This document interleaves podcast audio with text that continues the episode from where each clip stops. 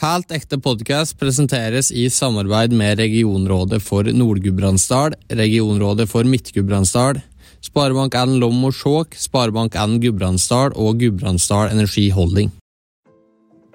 For Noe av det fineste med å være knytta til en plass, da, det er nettopp det at du kan knytte ei historie eller minne til de fleste steder som du passerer. Og så, er det et eller annet som vekker det, og som du husker. Det er det jeg mener med at du hører til en plass. Du hører på Halvt ekte med inspirerende gudbrandsstøler. I denne podkasten skal vi prate med gudbrandsstøler som har våga gå egne veier, fulgt sin lidenskap og vært framgangsrike på sine områder. Og hos vil gjestene dele historier, erfaringer og refleksjoner fra egne liv. Og kan inspirerende gudbrandsdøl Eros har med oss i dag, Sivert? I dag skal vi prate med en Lars Mytting. Lars Mytting er forfatter og fåvanging. Han slo gjennom for alvor med boka Hal Way i 2011, som ble en bestselger både i Norge og Storbritannia. Til sammen har Mytting solgt over en million eksemplar, og bøkene hans er utgitt på over 20 språk. I 2020 solgte Mytting flere romaner enn noen andre norske forfattere. For dette og andre kritikerroste verk har Mytting mottatt flere priser og utmerkelser, annet Bokhandlerprisen i 2014. Lars Mytting, velkommen til Helt ekte. Mange takk. Hva går det om dagen? Ja, det går vel eh, både opp og ned, men eh, framover. På et vis. Hva er det som gir energi om eh, dagen, da? Hva er det som gir inspirasjon? Nei, nå er jeg liksom kommet såpass langt med skrivingen da, at det er farlig å få føre med inspirasjon. For det, det gjør meg egentlig bare usikker på om jeg har gjort riktig, det jeg, det jeg skal. Så det, det, er jo noe som skal komme i litt forskjellige si, puljo. Eh, men, men det, er noe, det, er nok noe litt annerledes med skrivearbeidet enn det mange tror. For det at en eh, en tenker ofte at en eh, får en idé, eller kaller det inspirasjon, og så går en liksom på kammerset og skriver ut det, og så er det ferdig. Men hos meg så har det støtt vært slik at når jeg har fått ideen, så er den bare kvart eller helv. Og så bruker jeg veldig mye tid, flere måneder, kanskje til og med år, på å eh, prosessere det da, og skrive det opp. Og så når det er gjort, så kommer det en annen slags inspirasjon som kommer ut fra boka sjøl. Da kan en si at uh, ikke boka, men manuskriptet. Da. Manuskriptet inspirerer seg sjøl. Eh, og det er nok et lite triks med, med, som Huggo spiller med, at jeg, uh, jeg begynner å tro på at det har hendt. Da har jeg livet med det såpass lenge at jeg begynner å tro på at det har hendt. Og så går jeg over til en annen stadie der jeg som bare prøver å beskrive det bedre og bedre. Mm. Så det er, det er, mange slags svar på dette der, altså. Men ellers så inspirasjon kan jeg få ved å huske attende, eller ved å høre noen si noe bra, helst oppi dalen, for der er det veldig mye fortsatt att en veldig god uh, kultur da, for å være uh, skarp i språket. Uh, og så og så er det i alle fasonger på ting jeg opplever eller ser eller kjemper på. Da. Hva gjør du for å på en måte begrense kreativiteten på slutten av eh, en slik lang prosess? da? Ja, Det er faktisk uh, noe av det viktigste en gjør. For at jeg har den feilen at jeg, jeg skriver for mye. Jeg kjemper for mye. Og så har jeg vanskelig med å uh, få lagt det i rekkefølge og finne ut hva som er bra.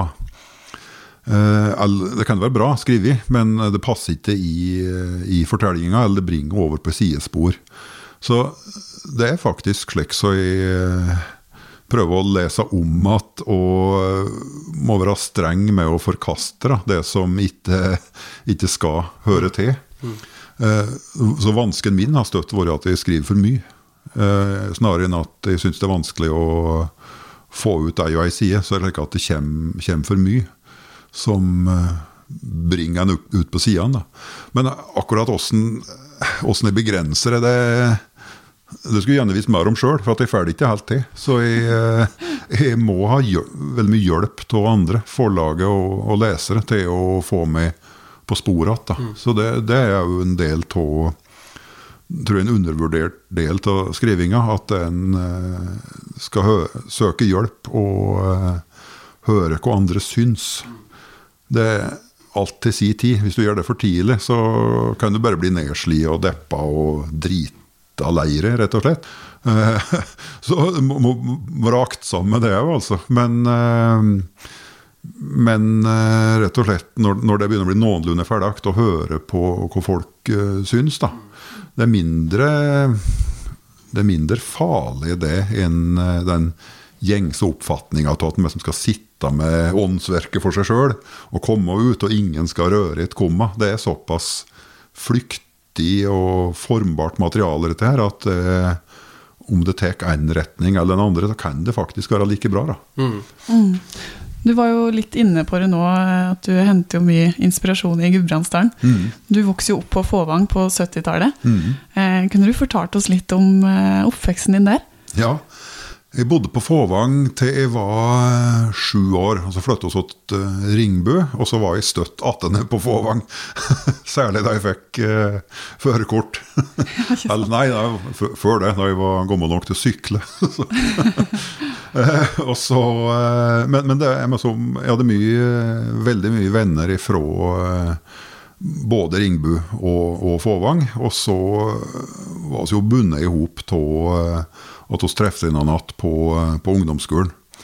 Eh, Men skal si, det var Jeg var nok Visse ting jeg ikke fikk til, og som i nåtida var kanskje kan se på som en styrke. At jeg var elendig i alt som hadde med sport og fotball å gjøre. Altså, jeg var skikkelig dårlig. Jeg ble valgt sist i eh, alt som hadde med idrett og sport å gjøre. Støtt sist på, på hvordan det skulle være fotball. Eh, og eh, likte meg best på eh, biblioteket, når jeg kunne sitte der og grove meg ned. Men så var det jo den sida at jeg, jeg likte å være en del av Si den bevegelsen og de sammenhengene som støtt er til bygd, der det er litt altså, skal si Det er slik at det er nokså få roller. Eh, Det er plass åt tutter i bensinstasjoner, og du vet hvem bensinstasjoneierne er. Det er plass til et par sagbruk, og de som er på saga, har sine greier og sin kunnskap. Det er plass til tre-fire minkfarmer, og de er slekk og slekk, grovt sett. da. Og den strukturen der, så så at scena er nokså littor, som den eh, Den ble jeg veldig fort fascinert av, for det var mulig å oppsøke alle sammen. Pussig nok, uten at det var noe eh, slik eh, Hva skal jeg si eh, altså Det var mulig å oppsøke dem og være nysgjerrig. Eh, de voksnes arbeidsplasser. Snodig nok, så var det det. Og Eh, og det var med som en kultur for at eh, ungdommene skulle se og lære og være med. Så det var heller vanskelig å få gardsarbeid, f.eks., som eh, alt ned i 11-12-årsalderen. Eh, eller å si, melde opp i interesse for å gå på jakt, f.eks., og så få, få være med på det. Eh, Det tror jeg var noe ganske særskilt, altså. For den eh, størrelsen på ei bygd blir jo for stor, så blir det for mange som driver med det. Så du, og, og du mister oversikta på eh, og, si, den intimiteten som trengs da, til at de slipper noen inn. Jeg husker f.eks. at jeg var, jeg var fryktelig nysgjerrig på militærleiren på Frya, som på datida var i, var i ammunisjonslager. Og en dag det var jeg oppfattet, men det var fri fra skolen, da, så var jeg alene hjemme, og så ringte jeg nedpå der. Forsvarets telefoner. da, var jeg ikke gammel. Og så Det må nå ha hørt på stemma at det var bare en guttunge. Og så sa jeg at jeg var nysgjerrig. Og da visste de nok hvem jeg var. li- Slik halvveks, da. Ja. Og så sa de ja, men da kan du komme nedpå, da. Og det ble jo største dagen i mitt liv, for da synte de rundt og kasta Hivde ut en røkgranat, og jeg fikk med meg tomhylsa hjem igjen. Det. er klart, dette, var, dette hadde jo ikke skjedd på en plass med, med større, større, forhold. Så det, det var nok uh, òg noe som, som forma meg, tror jeg. Det å være nysgjerrig og så se på andre og hva de drev med. Og så hadde jeg jo den trangen at jeg uh, når jeg hadde sett noe eller opplevd noe, så var ikke trangen der til heller for meg sjøl, men jeg ville fortelle om det. Uh, og det, det, tenkte jeg ikke noe på der og da, men når jeg tenker attende på det, så tror jeg den var, den var der alltid, alltid fra si, sen barndom til, til tenårene. Ja. Og det var, som, det var jo slik at vi kunne farte rundt noenlunde fritt og gjøre var, var liksom ikke så redd til oss, de voksne. Eh, helt, eh, og det kom til åssen du skal forklare samfunnet før og da. Det blir en litt stor diskusjon. Men det var veldig mye slik som oss fikk drive og farte og agere mer for oss sjøl. Og oppdage bygda og verda. Mm. Mm. Alle har personer som har vært ekstra formende i uh, oppveksten. Kan ha betydd mye for deg? Ja, det er Forutenom veldig gode kompiser, som særlig fra gymnastida, så er det òg eh, Det er to, to, personer som var veldig viktige for, eller tre som var veldig viktige for skrivinga mi. Og Jeg kan kalle dem eh, norsklærerne mine. Eh, den første var eller, kanskje den viktigste, den som, som lærte meg det å virkelig være streng og forme i tekst, det var journalist i Dagningen, en Iver Hommora fra Fåvang, som, eh, som, jeg møtte under første læretida mi da jeg arbeidet i Dagningen. Før det at så var det norsklærerinna mi, Aslaug Høie. Eh, og på gymnaset så var det norsklæreren igjen, Ottar Hovde. Um, nå nevner jeg dem bare fordi at det var dem som var mest formative for uh, det jeg driver med nå. Da. Uh, men uh, på sin måte så tror jeg de både lot meg oppdage gleda ved det å fortelle, og det som har med håndverket ved det å fortelle. Mm. Du har tidligere sagt at du har brukt 20 år på å vokse opp og resten av livet om å skrive om det. på hvilken måte da? Det fester seg eh, bilder, da, og kanskje et idealisert bilde, av eh, stedet og tida og eh, væremåten, som sjølsagt forandrer seg. Og, men som blir værende igjen som ei lett romantiserbar og eh, rik drømmevel ifra ei tid da du oppdaga sammenhenger, og da du oppdaga åssen eh, livet foregikk. De årene da dette skjer, de er, de er utrolig rike. Mye rikere enn det en skjønner når det foregår. Folk burde følge mye bedre med når de er fra 13 til 20 år, men det bare går inn ja, hui, som, som, det skal gjøre. da. Men det er det er ei tid som det er veldig lett for meg å flytte inn i, for at hun bærer med seg en eh, nysgjerrighet som jeg trenger når jeg, når jeg skriver. Og det er, det er selvsagt ikke sann vel, det som blir forma om til, til romaner. Men uh, det er rett og slett den rikdommen, nysgjerrigheten og pulsen fra det å være ung, da, som jeg støtt har likt å ha som startsted når jeg skriver. Jeg har aldri likt og, eller, Nå har jeg begynt å like å skrive om virkelig gamle folk. Men i de eh, første bøkene har jeg støtt likt den oroen fra å være ganske ung. Og ja, i hvert fall tre-fire av romanene har den eh, eh, sin nerven og uroen og eh, ja, veldig mye trang og utilfredsstilt eh, eh ikke kaller det uro enda en gang, da, men eh, altså en slags urolig leting da, har i seg. Og det er jo veldig godt utgangspunkt for summe romanfigurer. Ikke alle. Summe skal være nokså stagnante, men, men for Summe så er det veldig bra. Og det er det jeg liker å gjenoppleve og flytte inntil. Ja.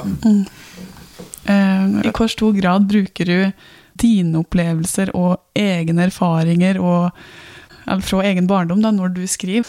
Det er faktisk mindre enn uh, enn en skulle tro en, når en leser det. Og uh, samtidig kanskje i sjølerkjennelsen blikk mer enn jeg sjøltru.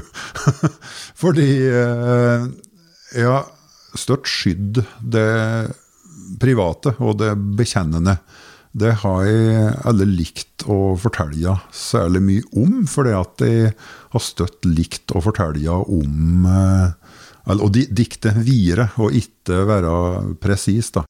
Jeg har støtt hatt veldig mye si, erindringer og blikk. F.eks. det som starta Hestekrefter. Det var et glimt som jeg hadde fra da jeg besøkte Espen Tofthagen på Fåvang. For da bodde de i annen etasjen på Hansen-bakeriet. Og da kunne vi se rett over på mobilstasjonen. Annen etasjen der. Og så så jeg for meg åssen ser dette ut hvis det er stengt. Og så er stasjonen stengt. Men så er det ett lys oppå der, og så er det en kar. Litt for, litt for vakse til ikke å ha familie litt for ung til å slå seg til ro. Hvis han er oppå der, og så driver en stasjon, åssen vil han være? Det var, det var en tanke stor nok da, til å starte Erik Fyksen i, i Hestekrefter. Og så, og så kommer det til det blikket der, men sammen med det Jeg ville aldri fått til han hvis ikke hadde vært med og ragga på Fåvang og vært med dem som hadde stasjon som eh, si, omdreiningspunkt, så hadde jeg aldri fått til miljøbeskrivelsene. Så hadde jeg aldri fått til denne derre eh, Både rotløsheten som dama hans hadde, som gjorde at hun til slutt reiste fra bygda, hun som riksveien tok, og, og heller ikke den lengselen etter å høre til, som jeg sjøl kjenner. Og alt dette er jo små, små glimt, men jeg har ikke opplevd fullt ut noe av det. Men jeg har tid kanskje 20-30 til opp til 60 av det, og så brukt, brukt det. da. Og, og så, må gjaldt, så må gjaldt f.eks. andre boka 'Vårofferet'. Da, da, står, da det en jente som står utafor militærleiren og ser inn og lurer på hva som foregår inne der i den der avstengte, rent maskuline verden. Der det, i hvert fall på den tida, var bare karer som drev med digre biler og våpen og ammunisjon. Eh, uendelig fascinerende. Og da har jeg brukt den erfaringa der, men så har jeg flyttet hun gjorde om til jente, og så flytta hun inn i en mye verre familiehistorie enn jeg noen gang sjølsagt har, har vært borti. Eh, så det er en eh, Så jeg stopper, stopper halvveis, og så flytter jeg ut da, i, i romansfæren. Men i i mindre ting, i beskrivelser av livet og av erkjennelsene deres. F.eks. når uh, Edvard i 'Svømme dem som drukner' sier at verda mi stoppa ved Helgerud Menkeruds motorsenter på Lillehammer, i Sør-Ål.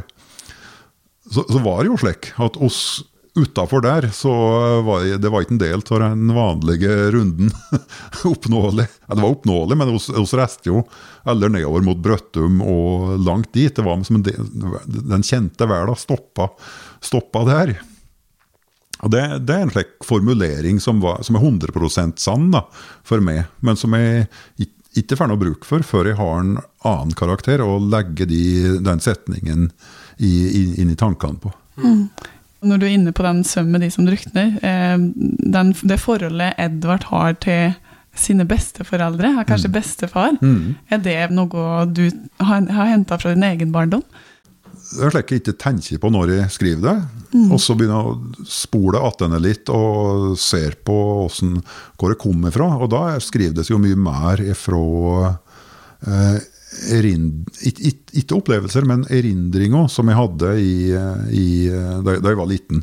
For at bestefar min drev i snekkerverksted. Og så husker jeg veldig godt da jeg var bare liten, at jeg gikk inne i, inne i produksjonssalen der. da, og da med avretterhøvlene og bandsaga og eh, lakkeringsområdet og alt dette, og så de digre flishaugene og lufta materialene og så at det ble til der de, der de logga.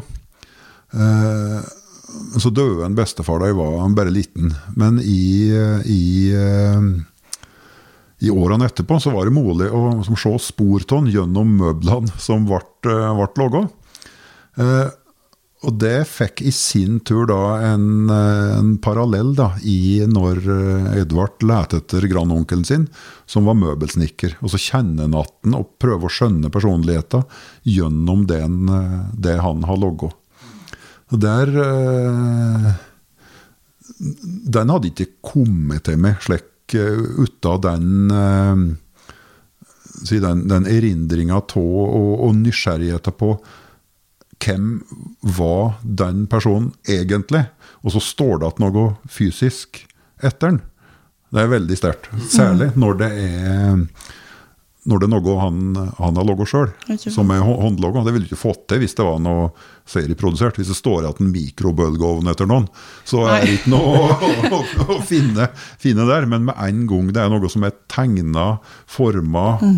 og pussa og logga, ja, så er det spor av mennesker i det. Og det, i det så ligger òg den eh, mangeårige fascinasjonen min for det som er håndverk, og det som er håndlaga. Mm.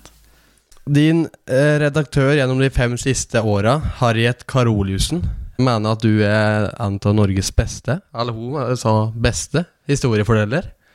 Når starta fascinasjonen for eh, historieformidling? Det er jo øh, veldig, veldig tidlig, faktisk.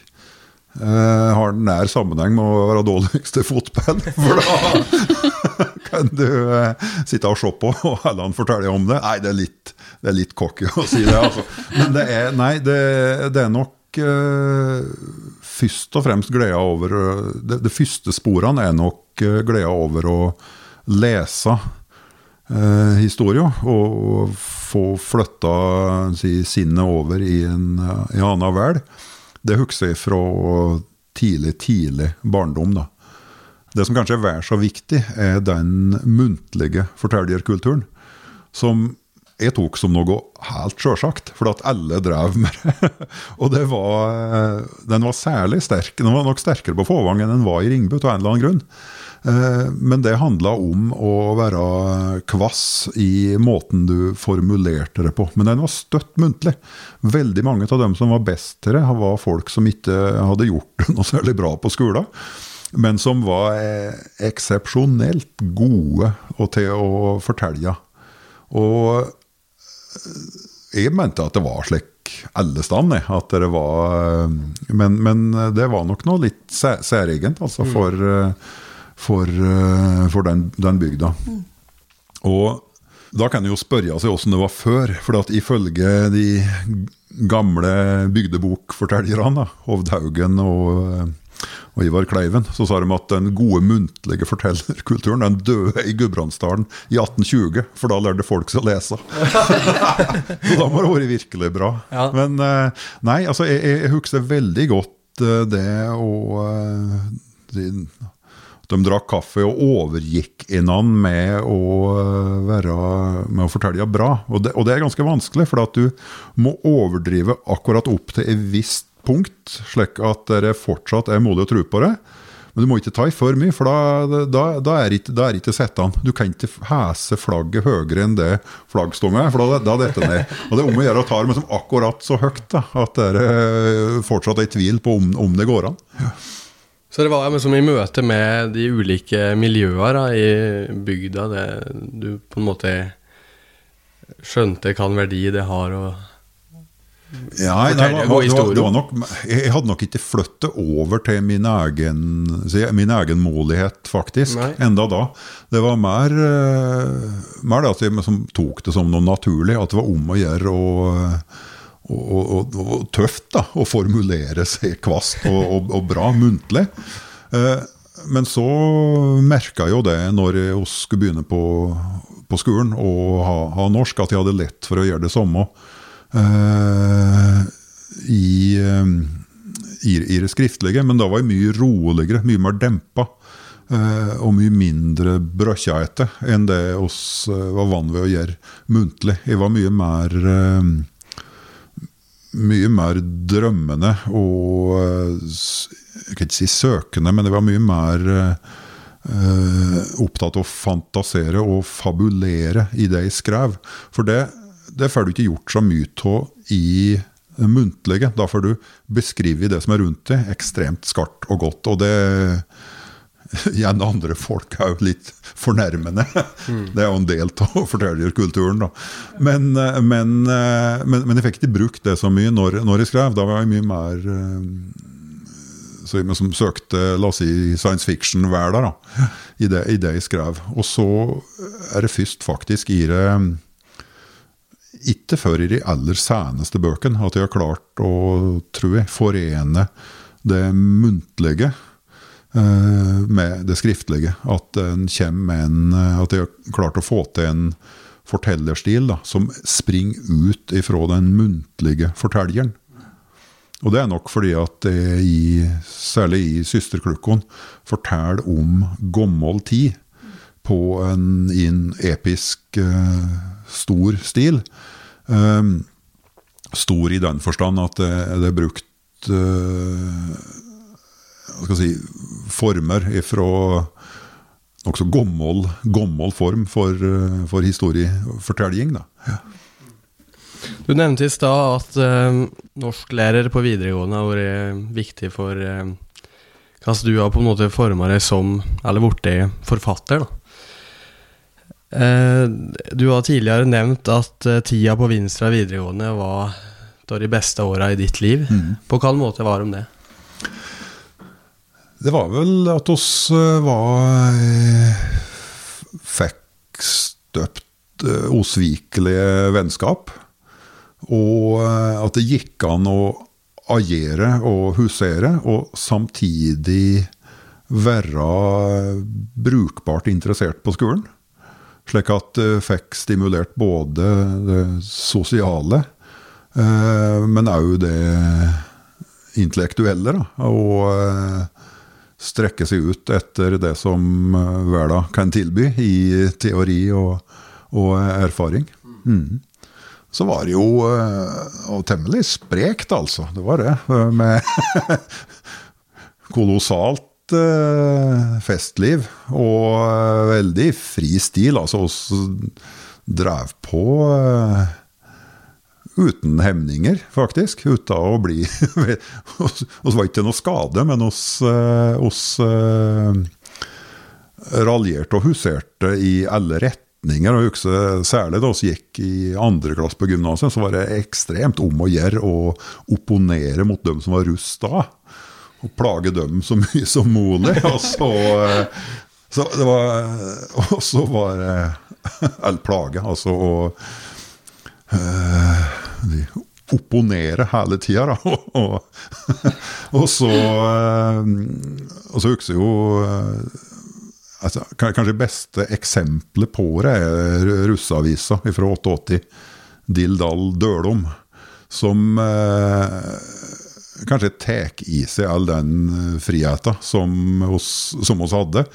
Da fikk oss jo med oss hele formannskapet på Sør-Fron til å iscenesette er nesten er, ikke et statskupp, men et væpna kupp. da, i der. Så også, også, Førstesideoppslaget der det var jo at, eh, at Tui fra bygdelista hadde fått med seg en bonde her, som kom med brenngun, maskingevær og et HV-AG-er og øks og bana seg inn da, og avbrøt formannskapsmøtet i, i Sør-Fron. Og dette var jo illustrert med altså, bevæpna ungdommer med maskingevær fra krigens dager og eh, Colt-pistoler og, og alt. Og ingen som, som løfta i øksbryn på at dette der var noe overs. Eller var, var noe over, overstadig. Det, det, det, det gikk, da. Og dette er dine ideer? eller? Ja, Det var kokt ut i eh, samarbeid med de andre i redaksjonen. da. Særlig eh, Tor Torgersen og Geir Jostein Horten, men òg faktisk han som senere ble eh, ordfører i Sør-Fron. Den store ideologen Ole Murriteigen. Han var òg med og klekka ut dette der. Og det er jo rart, da, for det er slik som alle ville liksom, passert i dag, at det sju-åtte ungdommer kommer i gamle biler med fullt med heimevernsvåpen. Altså, folk ville jo ringt med en gang. Og så eh, at de var med på det, er helt fantastisk. Så det, Hvordan var du som 20-åring? Nei, fryktelig urolig. Ja, ja. Og eh, jeg hadde, og jeg hadde på ingen måte den eh, roa og sjøldisiplinen som skulle til for å f.eks.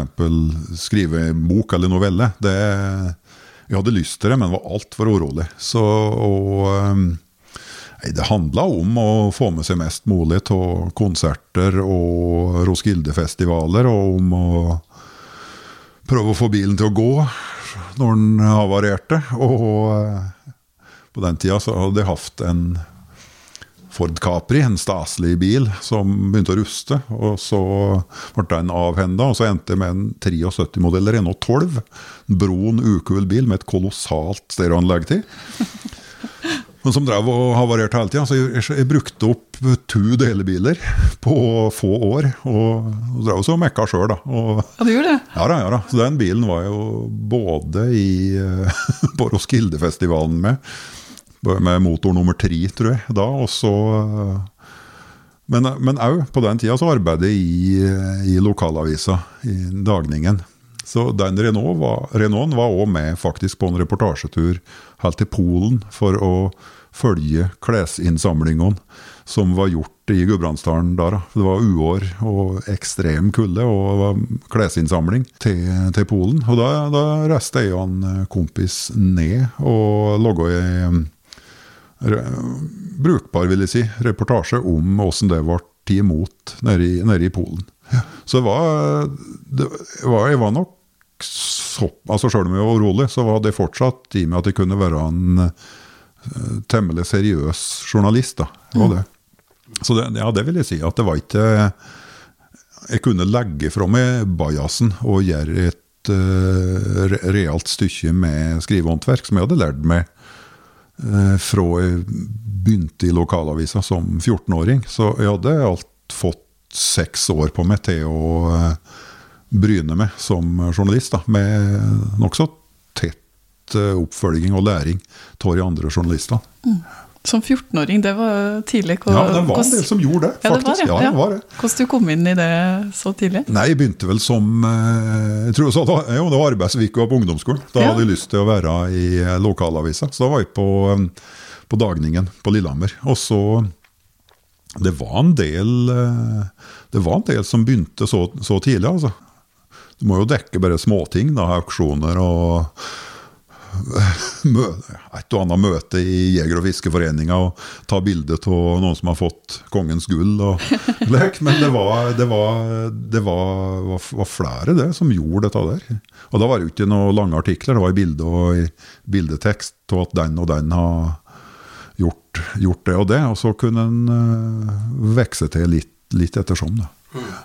Fint å starte så tidlig. da. God erfaring å ta med seg. Ja, ja, det er det, men det er jo noe med at en må heller ikke bli vokse for fort og kaste ut i det, for du kan bli farlig streng med deg sjøl hvis du blir målt etter voksne krav for tidlig.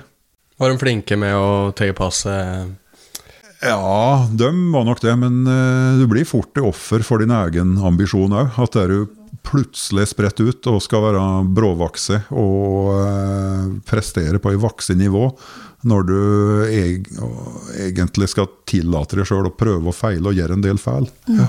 Mm. Så det er vel noe jeg har Som jeg har litt slik eh, rykning av enda, tror jeg. At jeg eh, prøvde nokså tidlig å sette lista så høyt som de voksne kunne. Eh, før jeg egentlig var klar for det. Men og Kanskje derfor òg så er jeg glad for at jeg ikke fikk gjort unna noen roman før jeg var 36 år. For da tror jeg at jeg hadde blitt Den ville nok vært annerledes og kanskje god, og i hvert fall spontan. Men det kan hende at jeg, men som syns jeg hadde gjort meg flau med for tidlig. Og at jeg syntes det var som flaut da, å vokse ifra det unge stadiet og over til, til det voksne. Kan hende, jeg vet ikke. Og så jeg- er jeg jo egentlig litt inne på det, men kan du på en måte tanker hadde du da om framtida når du var 20 år? Nei, det var bare å holde på og spille og ha det morosamt, egentlig. altså det var det. Og så hadde jeg nok en viss tanke om å, om å studere. Og så hadde jeg noen centimeter bakka for det laget der, som bare hadde like, opplevelsestrang. Jeg reiste mye, faktisk. Så jeg var i Rett etter gymnaset var jeg òg i Canada i noen måneder. Hatt slektninger der, og fart, farta mye, altså. Men rett, rett innafor det laget så var det støtt den trangen til å skrive noe større var, var med. Men den eh, Den ble nok heller litt i sjakk av det at jeg eh, arbeidet med skriving og tekst på et eller annet plan som var litt enklere. i i starten ved at jeg gikk Journalisthøgskolen i senere år, fra jeg var 27, som forlagsredaktør. Fram til det som sprakk endelig da jeg begynte å skrive på, skjønn, eller på, på roman. Fra jeg var en, ja, jeg begynte vel da jeg var 34, og fikk, fikk en til da jeg var 36. Ja. I tidsskriftet Kapital, som eh, skriver jo mest egentlig om eh, næringsliv og penger, men de, de skrev en artikkel om det i eh, 2021. Om din økonomiske suksess. Der står det at uh, du på starten av 2000-tallet ble uh, forsørga av kona di. Og uh, i 2010 så hadde du ei skattbar inntekt på 20 000. Uh, kunne du tatt oss gjennom reisa fra å eh, gi seg som journalist og fram til du slo gjennom for alvor i 2011? Jeg arbeider jo til og fra som, som journalist fram til jeg fikk den første faste jobben min i eh, forlaget Dam. Da var jeg 27 år.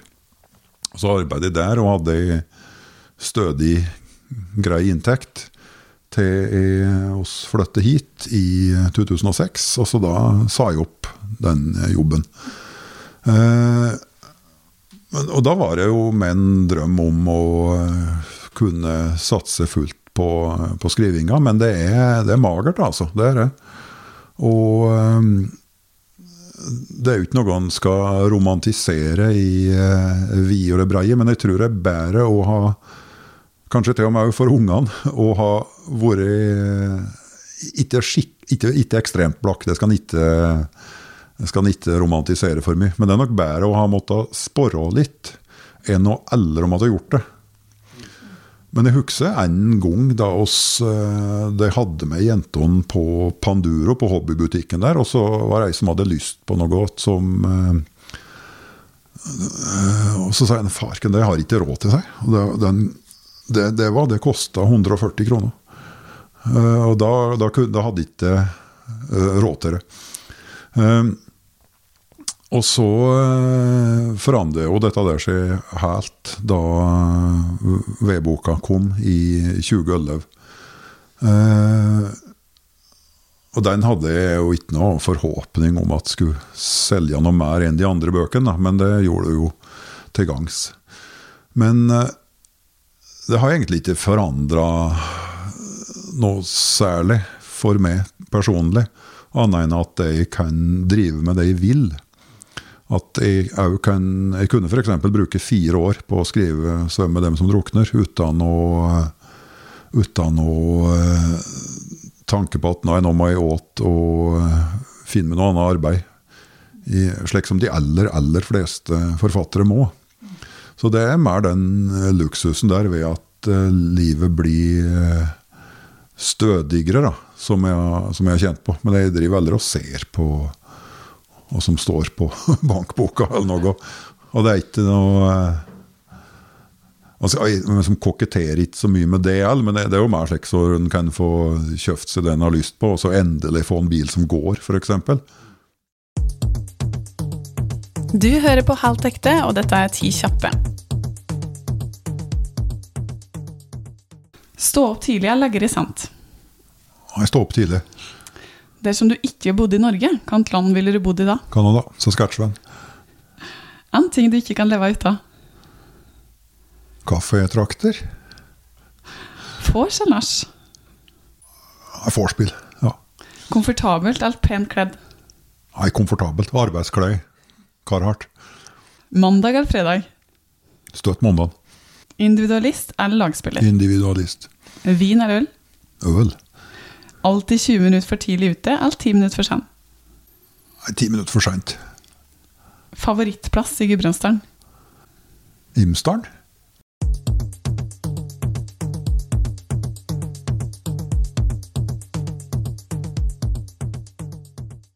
Du utga jo din første roman 'Hestekrefter' i 2006, og 'Vårofre', som kom senere i 2010.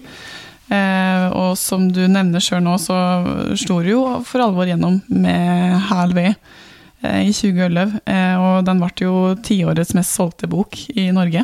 Det å få det endelige etterlengta, kanskje, gjennombruddet som forfatter, hvordan var det for deg? Jeg husker veldig godt uh, første to-tre ukene. Og skjedde det absolutt ingenting. Og boka ble ikke uh, kjøpt inn av noen bokhandler eller, eller noe. Eh, og så begynte noen få å prate om henne og anbefale henne til noen. Så det var jo lesere sjøl som fikk den boka til å gå. Det sto ikke noe om henne sto litt om henne i noen aviser, men det var lesere sjøl som begynte å eh, spre ordet om henne. Eh, Men så husker jeg at etter en stund så måtte det til nytt opplag. Og eh, da gikk oss vel fra 4000 og opp til 7000. Og så rett etterpå så ville de trykke mer. Og sa ja, men nå må dere gi dere, for så får dere veldig mye på lager. Og det er bare harmelig. Da, men så, så økte det på. Og da, da husker jeg at i de første, første tida der, eh, da var det ganske euforisk glede over å ha skrevet noe som mange likte. Jeg tenker ikke så mye på tallene eller noe, men at, eh, men at, du er, at jeg har vært i befatning med noe ikonisk om landet vårt. Det var vel den eh, sterkeste reaksjoner, og som, ikke, som, som, som du får bekrefta gjennom at så mange er interessert, og, og det at det ikke er noe som er en konstruert uh, suksess. Det er noe egentlig totalt ukult og vanskelig å forklare at du kan skrive 162, 164 sider om vedhøgst, og åssen det er interessant. da. Det er noe som er Det er ganske vanskelig å forklare åssen det er eh, Åssen det favner bredt. Eh, så altså, Forklaringen på det er ikke da temaet i seg sjøl, men det er måten det er fortalt på. Og det, er, det var vel egentlig at jeg sansa det, at her har jeg fått greid å framstille noe som er veldig i befatning og forankra i den norske folkesjela. Altså jeg greid å få, få det fortalt. Gleda over at jeg hadde fått til det, det var vel det, største. Og så tok det jo alt òg, så det ble trygt mange. Jeg tror det var tolv opplag før jul. Eh, men, men det hadde liksom ikke så mye befatning med, om salgstallene da ble slekk, eller om de ble slekk, og om det ble fem- eller sekssifra. Det, det hadde liksom ikke så mye å si. Det var den første erkjennelsen av det der, at jeg, jeg har faktisk fått taket på dette der, og så har jeg gjort, gjort noe som blir, eh, som blir stående. Jeg har gjort noe verdifullt. Det, det var, var kanskje det jeg kjente sterkest. da. Men, men var det på en måte en etterlengta følelse Jeg tenker på at du slutta som journalist i 2006, og drev jo da på i, eh, i fem år før du på en måte slo for alvor. Ja, ja, det er jo det. Ja, det var det. Ja, det er det. Og så For det var ikke like at du ikke tenkte på at nå Du skriver bare fordi at du syns det er superinteressant? Nei, du vil jo støtte Hvis du mener noe mer, så vil du jo at noen skal Skal Det er ikke, det er ikke nødt om at det er så ekstremt mange, men at det, at det betyr ordentlig mye for noen. Den, den reaksjonen der eller, vil en ha. Kan inspirasjon gare det for det videre arbeidet. Slik, et slikt gjennombrudd? Det er både en drivkraft, men så er det òg faktisk en liten eh, eh, Kan bli et problem hvis, hvis det går for, for bra. Fordi at eh, den boka ble jo et fenomen. Og han som skrev henne, blir jo som maskoten til det fenomenet. Og, eh, og eh, da er det liksom veldig mange begynner å forbinde det med bare det. Og det, det mangla ikke på forslag om eh, at de skulle skrive hel V2 eller annen sakprosabok som ligna på dette. Eller være med på alle slags uh, opplegg på TV. Men for hardt steg som en gjør på den veien, for alt som du blir med på der, som hører til det temaet. Og Desto mer du gjør det til maskot, desto mindre forfatter blir du. Og desto vanskeligere blir det å komme med og fortelle om noe annet. Så Derfor var oss veldig i tvil da vi skulle gi ut uh, 'Svøm med dem som drukner', som er, er mye mer si, følt bok enn en de førre romanene var. Og Så har du da en kar i arbeidsklær som er fra Fåvang og prater døl og har gitt ut noe om vedhøgst og er 2 meter og 40 høy og kjører gammel Land Rover. Og så skal du komme med Forklare at han har kommet med ei bok, ei familiedrama med eh, det innholdet hun har. da. Det, det var jeg veldig spent på hvordan det ville bli, bli mot i, faktisk. ja. Attende til den der kommentaren, da. Eh, åt kapital. Eh, jeg for å lese det opp, der du eh, sendte åt dem. Eh, Signe Dagen. Det er utenkelig for en gentleman fra Gudbrandsdalen å kommentere egen eller andres bankbøker. Eh, verken åt periodika som kapital eller åt andre. ja, akkurat. ja. Særlig ordet periodika tror jeg som passer fornærmende. Men der har du egentlig litt av talemåtene fra bordene på åttkanten på Fåvang, altså, eller Tromsvang. At det er, det er om å gjøre å finne noe som er litt passe nedsettende om mottakeren. Så, tenker jeg at Det sier litt om deg som person. Du, du holder jo føttene godt planta på jorda. Hva sier du for til det når det er så mye oppmerksomhet, og er det mange som vil ha en bit av uh, Lars Mytting? da? Det er Jeg fikk eh, faktisk eh, godt råd av en kollega, Gaute Heivold, da, da første bøken begynte å selge. Han sa nå er det viktigste du skal gjøre nå, det er å si nei. Eh, fordi du kan bli aldeles oppete. I starten, når, når du træler for å få noen interessert og, til å høre om bøken, så er det om å gjøre å si ja til alt mulig. Stille opp og være med og reise rundt og prate.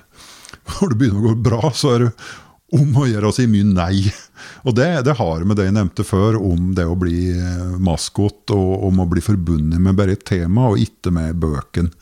Da. Og det er For å holde føttene på jorda, så er det beste du kan gjøre, er å drive med noe som er vanskelig, og som jekker ned sjøltilliten. Og det er å skrive og, og prøve å strekke seg etter noe eh, stadig høyere mål. Men det er vanskelig å si nei, for den vet jo alle hva framtida slik vil bringe. Ja da, det er det. Og så er det jo, det er jo tydelig å reise rundt. Og det er veldig tydelig å treffe folk. Så det er om å gjøre å, holde en balanse på det, altså. Det er det, Og ikke som blir folkestygg og putt og sur på alt bra som For det er veldig mye tydelige folk som vil en vel, og som gjerne vil ha en med på mye som er fint. Og Man må ikke liksom overse det og bli en slik særling som bare sitter inni kottet og tror hun er geni. Det blir skummelt. Hvordan ser en vanlig hverdag ut for det? Det er jeg litt nysgjerrig på. Om å gjøre å sove godt, og så eh, passe på at eh, jeg har drømt. Fordi da er, tror jeg at du har denne rem-søvnen som ferdig i eh, kontakt med underbevisstheten. Eh, og så stå opp og få til meg kaffe, og så komme meg på arbeid uten at jeg har fått noe andre impulser. da. At det, det bør gå ganske glatt om morgenen uten at det blir noe eh, ikke drive og sjekke e-poster eller ta inn for mye, eller begynne på noe. Bare komme ned på, ned på arbeid. Uh, og den arbeidsplassen er ikke hjemme, den er utenfor, på et lite kontor utafor der jeg bor. da.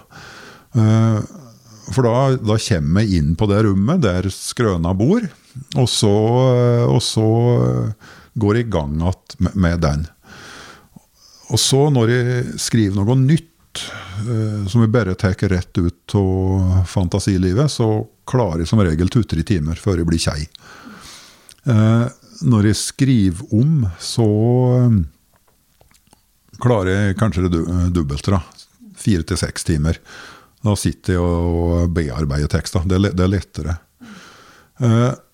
Eh, så er det resten av dagen så, så, er det faktisk en del så jeg kaller kontorarbeid som handler om eh, kontakt med f.eks. utenlandske oversetterne, som det er en del av, om forlaget og henvendelser og alt det praktiske da, som skal gjøres når det er, når det er Jeg har vel hver så 20 forlag i utlandet som, eh, som enten har noe i salg eller har noe i, i, i oversettelse.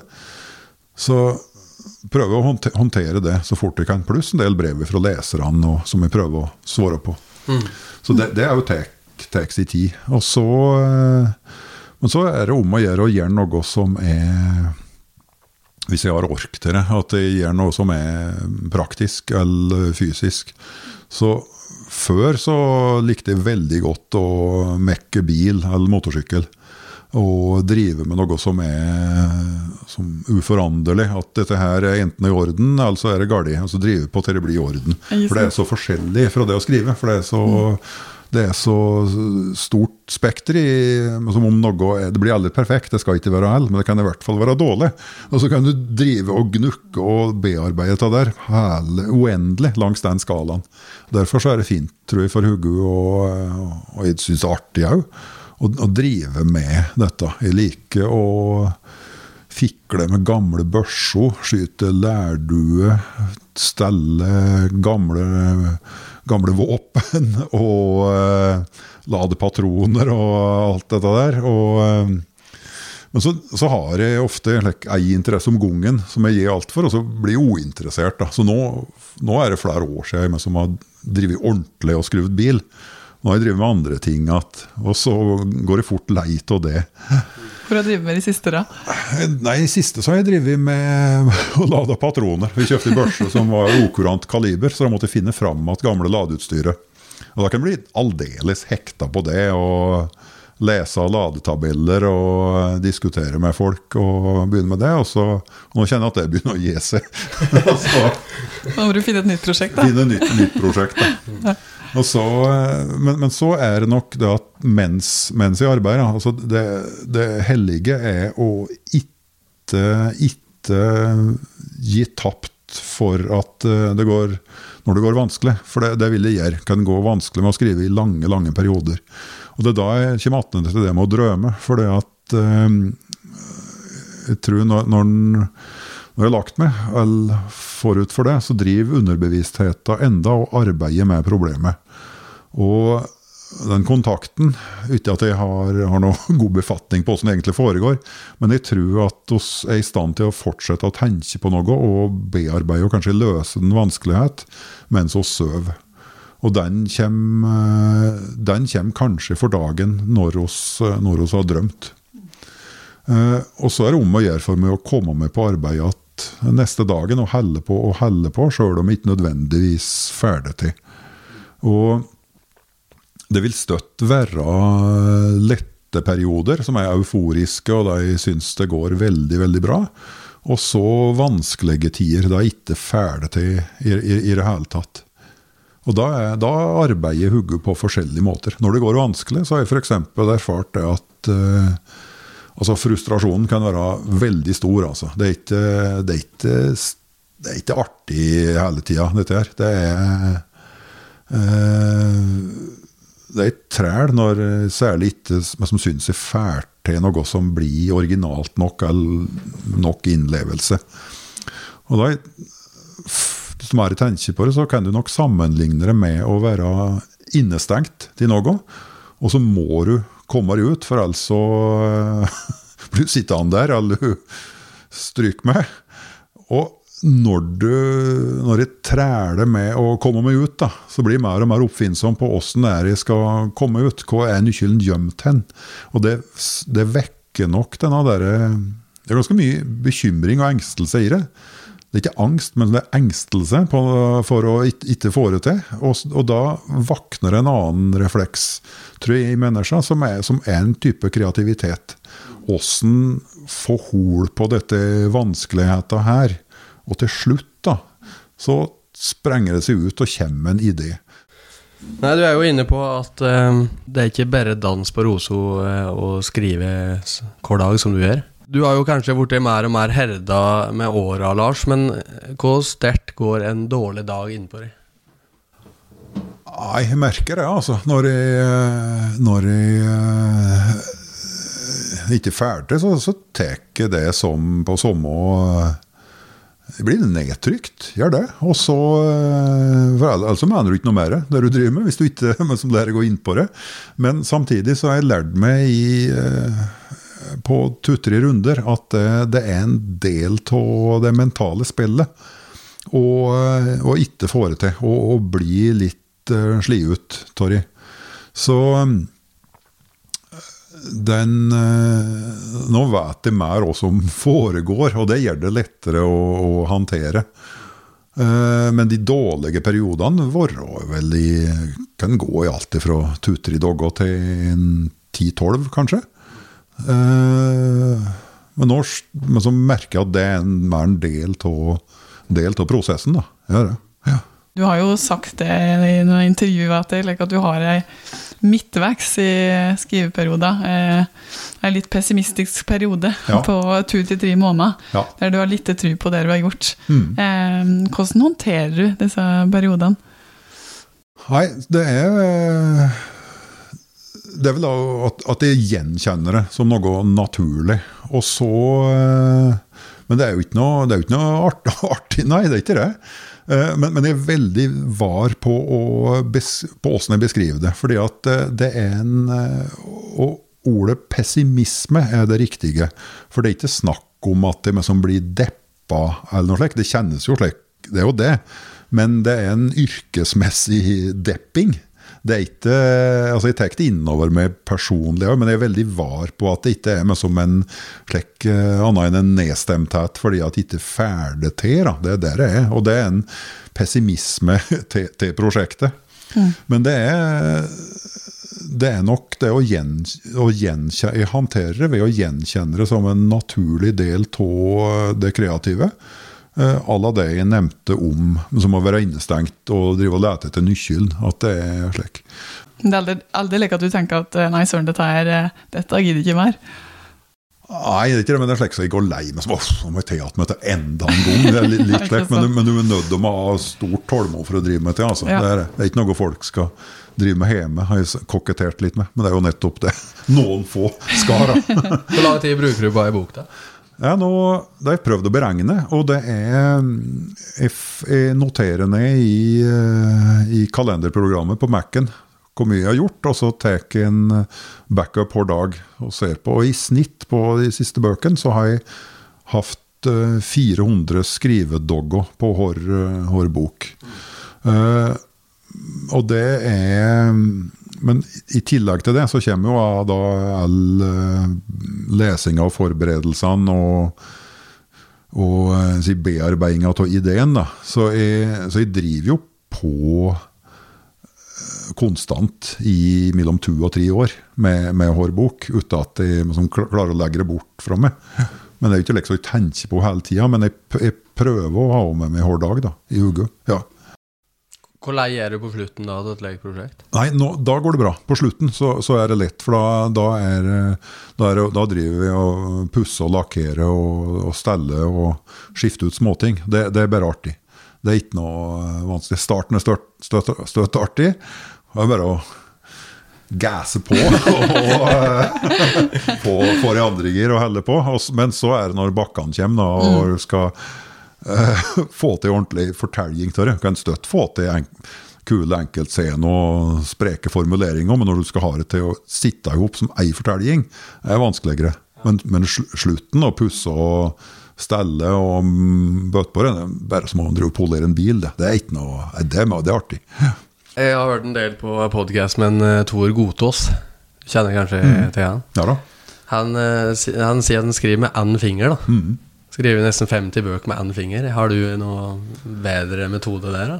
Nei, jeg skulle ønske jeg har gjort det. For det er jo igjen at jeg skriver, eh, skriver for mye, og så redigerer jeg og tar bort veldig, veldig mye. Jeg kutter jo halve boka, i hvert fall, før jeg, før jeg har gjort det. Så nei, altså slik jeg gjør det, så skriver jeg eh, jeg, lærte, jeg var jo så heldig at jeg lærte å skrive touch i åttende klasse på Ringebu ungdomsskole. På østtysk eh, skrivemaskin. Kjøpt i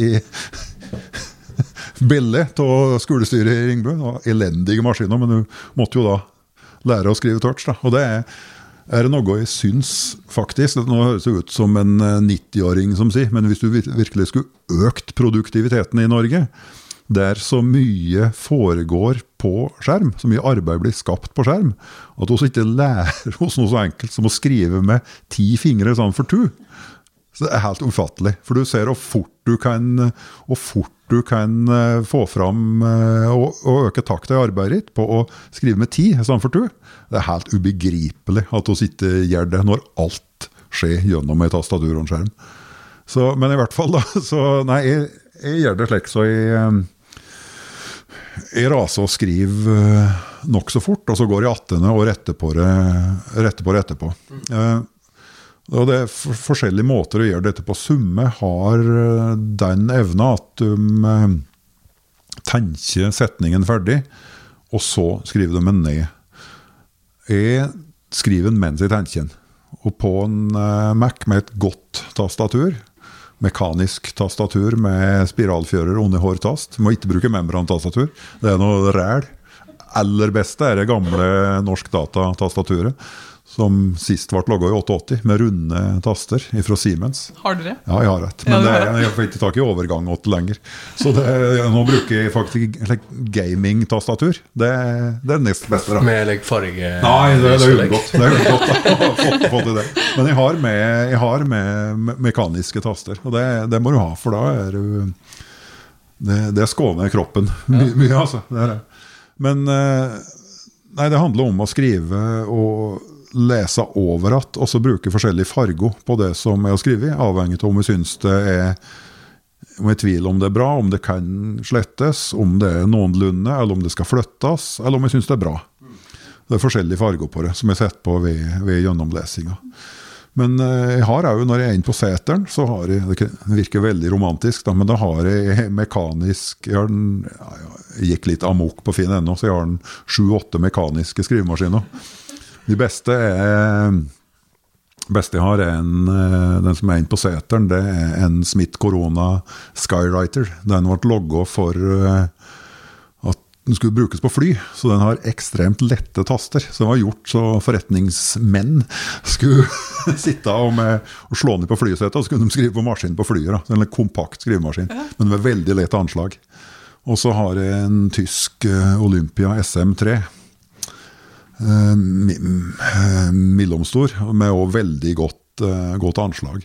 Og da er, da må, det, det arter seg forskjellig, for da må jeg tenke gjennom minst halve setningen før jeg skriver. Og, og det er jo ikke noe rettetast der. Så da, det blir anslått. Så jeg har skrevet en del av alle bøkene, de siste bøkene på mekanisk skrivemaskin. For da må jeg gire ned. Da. Det er som Gotaas gjør, at han skriver med én finger. Er fort nok, det. Så, så det er ikke lek at du på kvelden eh, får en idé om ei jæklig god setning, og så Jo. går du inn på iPhone og skriver ned den? Jo, gjør det. Ja, du gjør det. Mm, gjør det.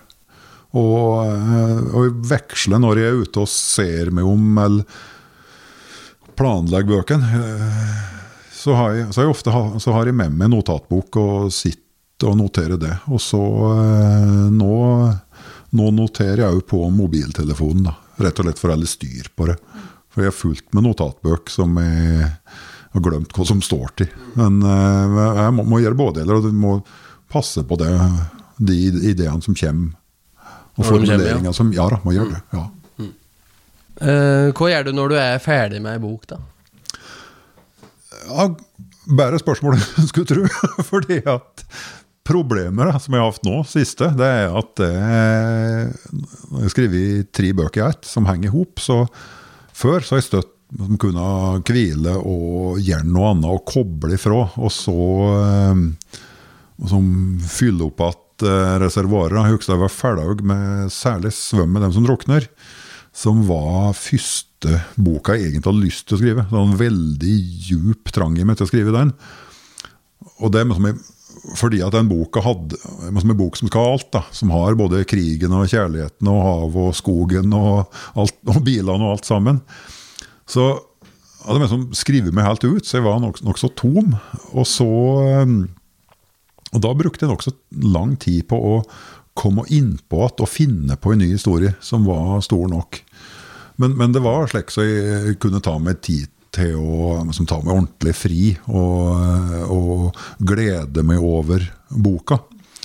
Det som faktisk har vært vanskelig nå, det er at når jeg har skrevet ferdig først 'Søsterklukkene', så visste jeg at jeg måtte gå rett på rett på å skrive bok, bok nummer to, som ikke engang visste hva skulle hete. Og så hadde jeg en aning om at når jeg var ferdig med den, så skulle jeg rett på bok nummer tre.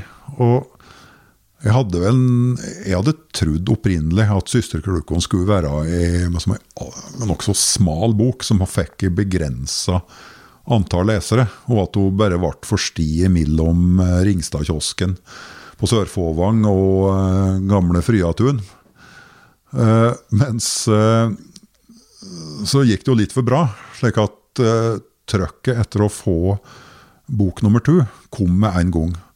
Så det det jeg har savna, er rett og slett å kunne faktisk glede meg litt over, over bøken, og, og, at jeg har fått, fått dem til. Så det, det håper jeg å se fram til nå, da, når jeg endelig har gjort eh, denne her. For nå har jeg drevet Jeg så på det, det er jo litt usunt, men jeg har drevet i sju og et halvt år uten har syntes at de kunne ta meg ordentlig fri. Fordi at jeg visste at de måtte gå på med, med neste boka. Når du eh, prater om å ta ordentlig fri, hvor, hvor legger du i det? Hvor lenge har du da på en måte helt fri?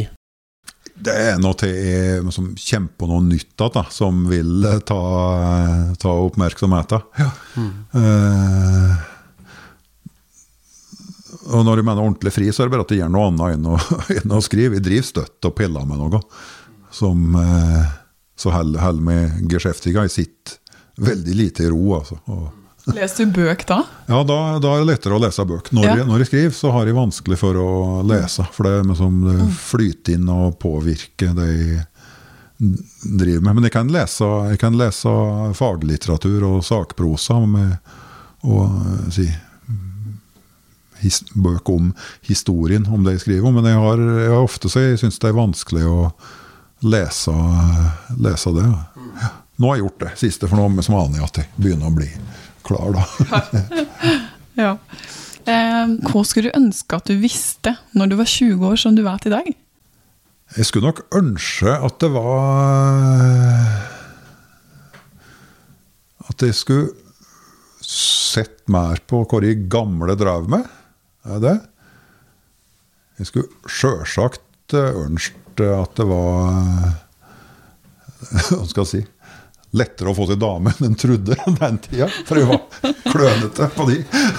Men uh, uh, Men uh, Nei, at Rett og slett at den Den tida så, så skjer det veldig mye som preger en og former en. Som du selvsagt i begrensa grad er liksom oppmerksom på når det skjer. Men jeg skulle ønske det at jeg hadde Kanskje fordi at jeg driver med det jeg driver med, enn at jeg hadde hørt mer på hva de gamle fortalte. De gamle har jo vært unge en gang i tida. Og det, det, kan, nok fort være slik at de sitter med små jabber om at alt var bedre den gangen, og det var slik og slik. Og så, ja, det er så mye rart nå for tida. og Den, tida, den, den måten å være gammel på, den syns jeg er utrolig kjei. Det syns jeg er trått. altså. Men det at de eh, forteller om eh, med spenst om, eh, om sin tid, og om endringer i tankemønster, og at en hører etter da. og oppsøker oppsøke ikke minst den, eh, de spørsmålene. Uh, og, og, høre åssen det var. Det, det, det savner jeg. Fordi at folk stryker med, og med dem erfaringer om, om sin tid. Og mm. den, eh, den årvåkenheten der, den, den skulle jeg ønske at jeg hadde hatt mer av.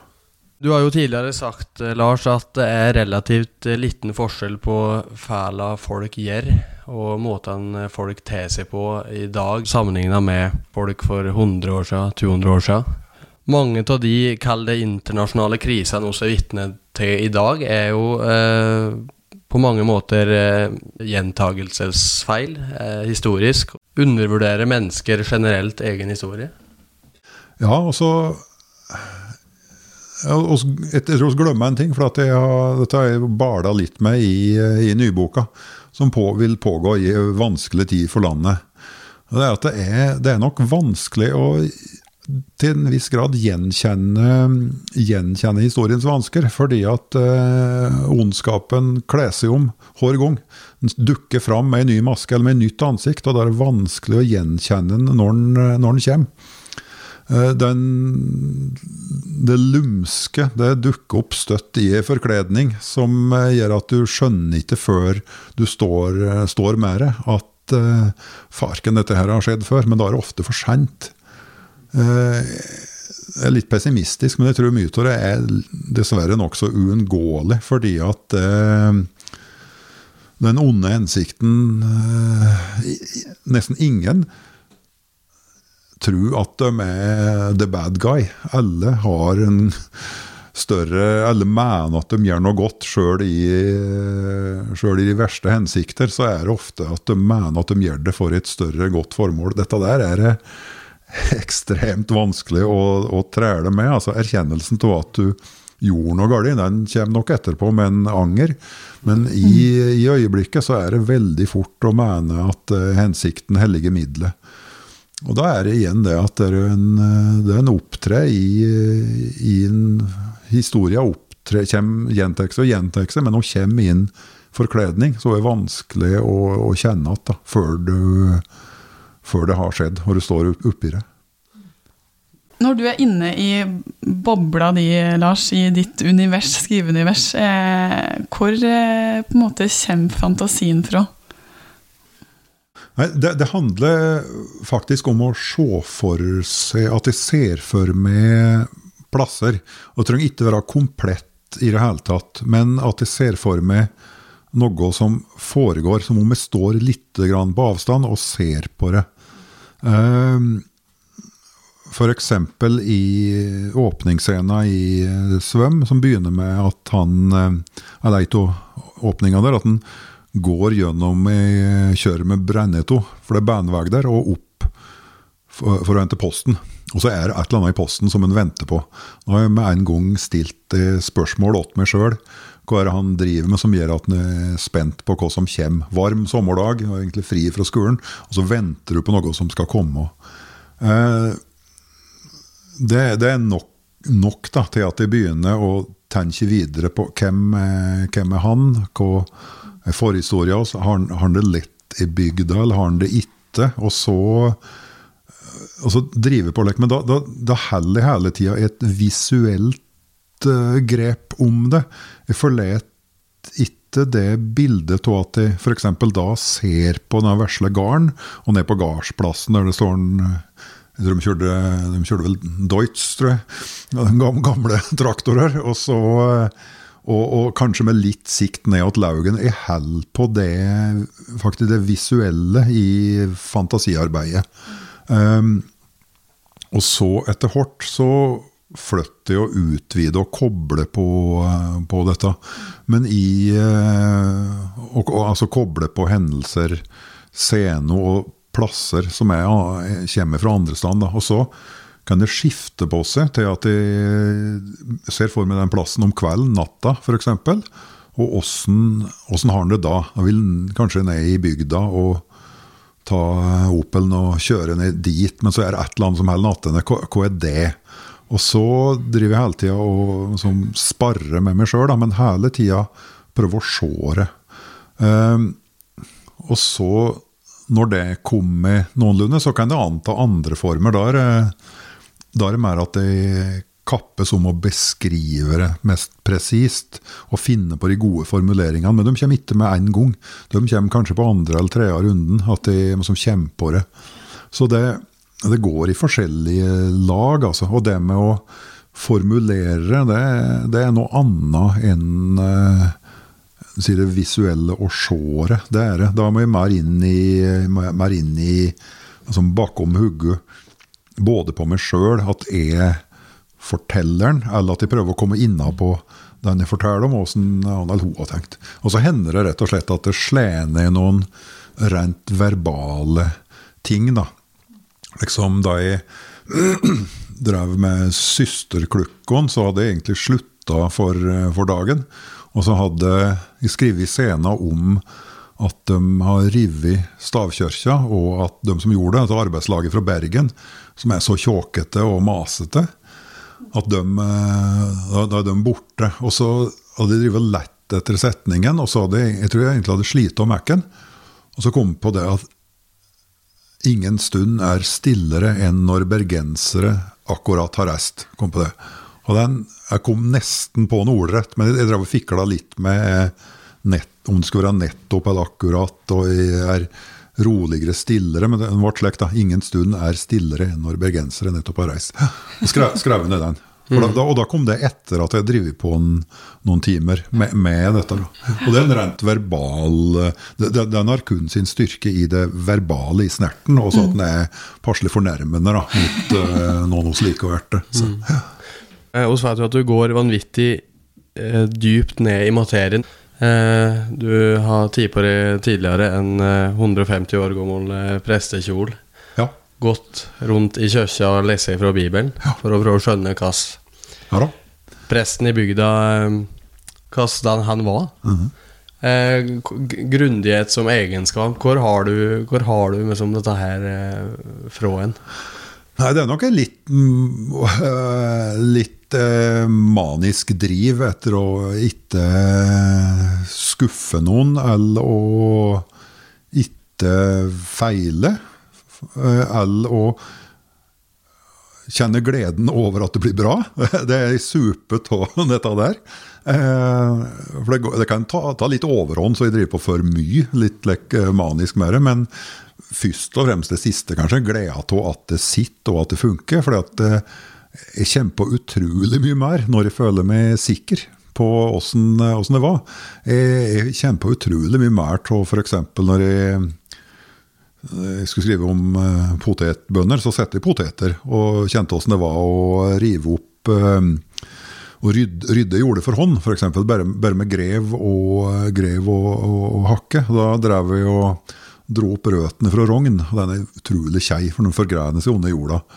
Og det fikk jeg ikke brukt i, eh, i svøm, for der brukte de drev med traktor, og jordene var oppe.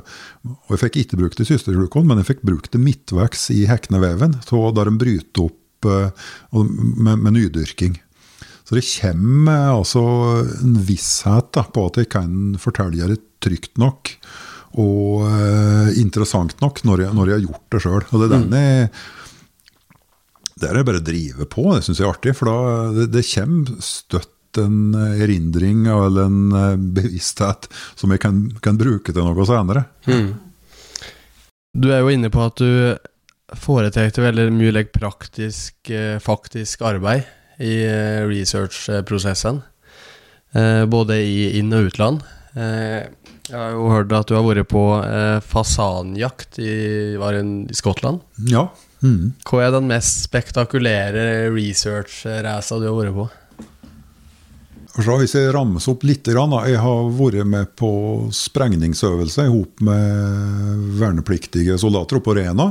Li rundt dynamitt og sprengt. Men jeg, da lurte på hva jeg drev med. Hvor med en kar på noen og 40 og er med dem?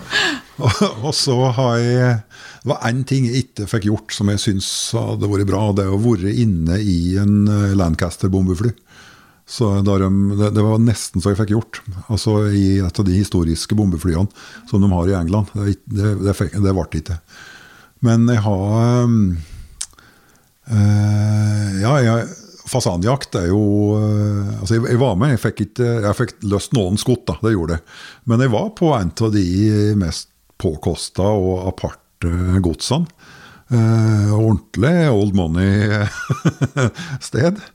Noe annet som òg var kanskje høydepunkt, det er da jeg var oppe i Da jeg skulle se kirkeklokka den ene søsterklokka som er igjen i tårnet i, i Ringbuskirken. For da gikk jeg opp uten egentlig å ha lov til det. Da Jeg hadde liksom fått ordna meg noenlunde med kirketjeneren som stola på meg. Så jeg drev litt der, men jeg, jeg sa heller at uh, kan jeg gå opp i tårnet? Men jeg gjorde det. Og så fant jeg ikke, lysbryteren. Så jeg var oppe der, og så blåste litt, så det svaia oppe du kjenner, du kjenner at det svaier litt, da, for at uh, Ringbukskirka er bygd så hun flekser litt. Grann. Derfor at hun ikke som hun, stå, hun står enda, og at hun føyes litt med, med vind. Og oppi tårnet så merker du nokså godt at, eh, at det blåser. Så jeg gikk opp der og kom opp og så konturen av det som er sagt å være den gjenværende søsterklukka. Det syns jeg var eh, en Åssen uttrykk skal en bruke, da? Spesielt rørende. Ja, transcendental. Det, ja, det kan du ikke si. Det må du oversette. Ja, det, kan, du- det, kan, ikke sant? det blir for fiktete, jeg kan ikke si. Det er, det er ikke noe som eh, hadde passert i muntlig fortelling, så jeg kan ikke si. Nei, da må vi drive på litt mer. For det er slik, slik kan en drive på, da. Eh, Hva mener du sjøl at er det beste avsnittet du har skrevet som eh, forfatter? Jeg veksler veldig ofte med noe jeg støtt liker å tenke på. Da. Det er jo eh, plasseringa av garn i, eh, på Hyrifjell i 'Svøm med dem som drukner'. Fordi at det sier noe eh, om Lynne òg, kanskje til døren. Og det er at hun Og så er det umulig òg. Det er at hun, garn ligger i eh, solside på innsida av baksida. For det er noe som bare blir Du kan fange det opp, eller så, men eh, det har en ekstra Det funker for dem som er utabygds, men det har en ekstra fin valør, syns jeg, for dem som er, er fra dalen. Og så er jo baksida er baksida. Og det er det. Så er at, men, men det, det, og, og ikke minst òg fordi at det er en eh, rent rytmisk, så jeg syns det er en uh, vellykka setning på at du bruker tre ganger sida. Ja. Slik liker veldig godt å, å drive og panke til de ordene. Slik at de klinger og, og som vibrerer med stor, stor nok indre kraft. Da. På, helt på grensa til det pompøse, men, men litt, litt ned igjen. Fra boka di Hæl ved så skriver du altså fant jeg på en måte et utdrag eh, der det står 'Kjenn din mann på vedstabelen'. Ja. Hvordan ser vedstabelen din ut?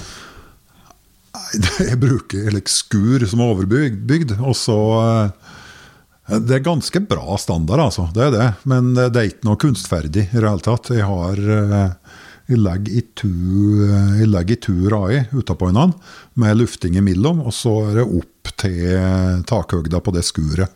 Eh, Men det er ikke det er ikke noe særlig kunstferdig, det er ikke det. Men det er nokså finkløvd og stutt ved. Jeg liker ikke slike digre kabber som folk driver med. Jeg liker små, nette kubber, som jeg legger i ofte.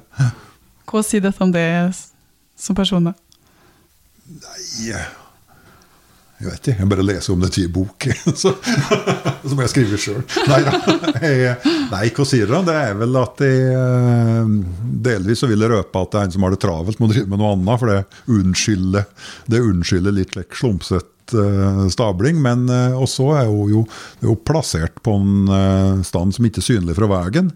Og det tror jeg hadde med litt blyghet. Det kan jeg nok eh, være med på.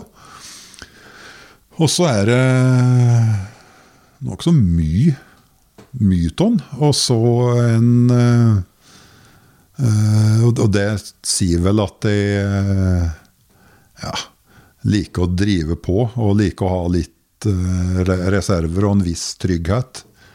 Eh, og i hvert fall et forsøk på å planlegge. Ja, omtrent det. Hva er den viktigste egenskapen eh, du mener har vært avgjørende for at du har lykkes? da? Tålmo, kanskje. Og så, eh, og så eh, kritisk sans, som akkurat er streng nok til at de ikke uh, stopper meg, slik som, slik som det var før. At de uh, du kan, bli, det, du kan hvile på det kritiske og sier at næsj, dette får ikke til, eller dette, nei, dette blir aldri bra nok, eller kan, det skal ikke gi ut før det er perfekt. Og, og slik. Men det, det er liksom akkurat uh, slik at den er konstruktiv nok, da. Er kanskje det. Og så er det Nei, og så er det jo sjølsagt den nedarva nedarva, den gleda ved å gleda ved å fortelle og så se at andre lever seg inn i det. Den, den gleda er stor, altså. Det er det. Til høsten så kommer eh, den nye boka, den siste boka i teologien med 'Søsterklokken og Hekneveven'. Hva er planen videre, og hvilke tanker har du framover? Jeg er nødt om å hvile ut litt, altså. Og så uh, finne på uh, Nei, uh, tømme hodet litt og så så bli ferdig med det. For nå har jeg drevet på med det litt for lenge uten men, mental fri.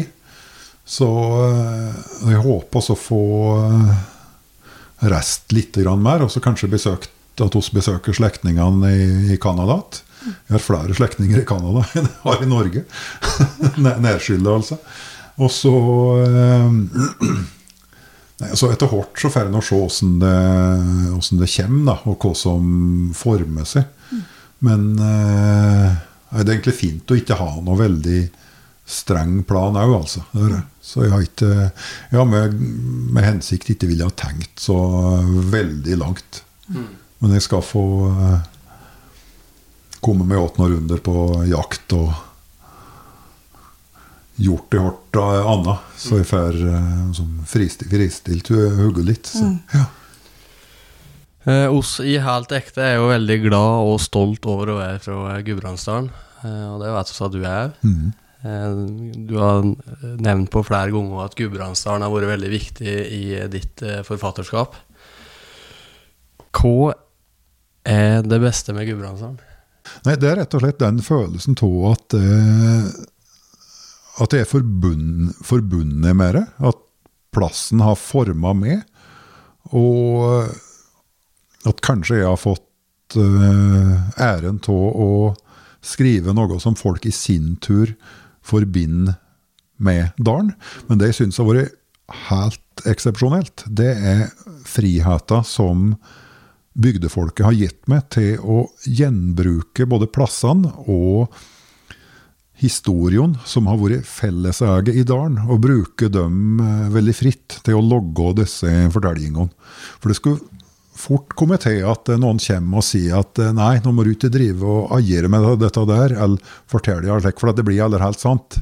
Men det beste, tror jeg, eh, i hvert fall som, som forfatter, det er at åpenheten og lovligheten til å drive og agere med det som egentlig er bygdas felleseie, historien, har vært så åpenhjertig. Ingen, ingen har noen gang kommet bort til meg og sagt at eh, Altså Eller vært et spor av noe jantelov helt siden, helt siden hestekrefter kom i 2006. At, eh, at det meg som ikke skulle drive med dette der. Tvert imot så har det vært like, felles glede over at uh, fortellinga om utspring i dalen kommer ut og blir brukt. Da. Og det, det tror jeg er Det er nok noe som du kan eh, tilskrive folkelynnet. At det er en, uh, igjen, glede som vi har ved å fortelle, og ved å bevare historien om, eh, om plassen vår. For noe av det fineste med å være knytta til en plass, da, det er nettopp det at du kan knytte ei historie eller minne til de fleste steder som du passerer. Du kjører en biltur, eller enda bedre motorsykkel. Eller kanskje enda bedre en 79-modell Ford Capri med glassene nede og sølvgrå pionerstereo. Men at du, at du eh, kjører slik, og så- er det et eller annet som du knytter, eller minner, eller noe, noe Det trenger ikke være bra, eller, altså. det kan godt være noe lett noe, men at det er noe der som vekker det, og som du husker når du passerer. Det er det jeg mener med at du hører til en plass. Nettopp det. Og det, i det så ligger rett og slett minnene og fortellingene da, mellom det og, og plassen. Eh, om du skulle gitt ett godt råd til en ung gudbrandsdøl i dag, hva ville det vært? Reis omkring, eh, til, gjerne til nabokommuner og se deg om, og få venner. Knytt vennskap. For det er ikke noe som holder seg bedre enn de vennskapene en har knytta når en er ung. Og det er ingen som det er lettere å koble seg på at senere i livet enn dem som du har opplevd noe med i, i ungdommen. Eh, De vil støtt eh, være der, og den vil støtt ha plassen til, til felles. Og det er verdt noe. Når du skal eh, senere i livet koble deg på at den du en gang var. Lars Mytting, tusen takk for at du var med i Helt ekte. Takk skal dere ha. Eh, jeg heter Sivert Rønn Sætre. Og jeg heter Synne Rønn Sætre, og du har hørt på Helt ekte med inspirerende gudbrandsdøler. Podkasten ble spilt inn på kontoret til Mytting. Teknisk produsent var Arne Mathias Myhren. Musikken er komponert av Scarworks, og prosjektleder i Helt ekte er Sivert Rønn Sætre.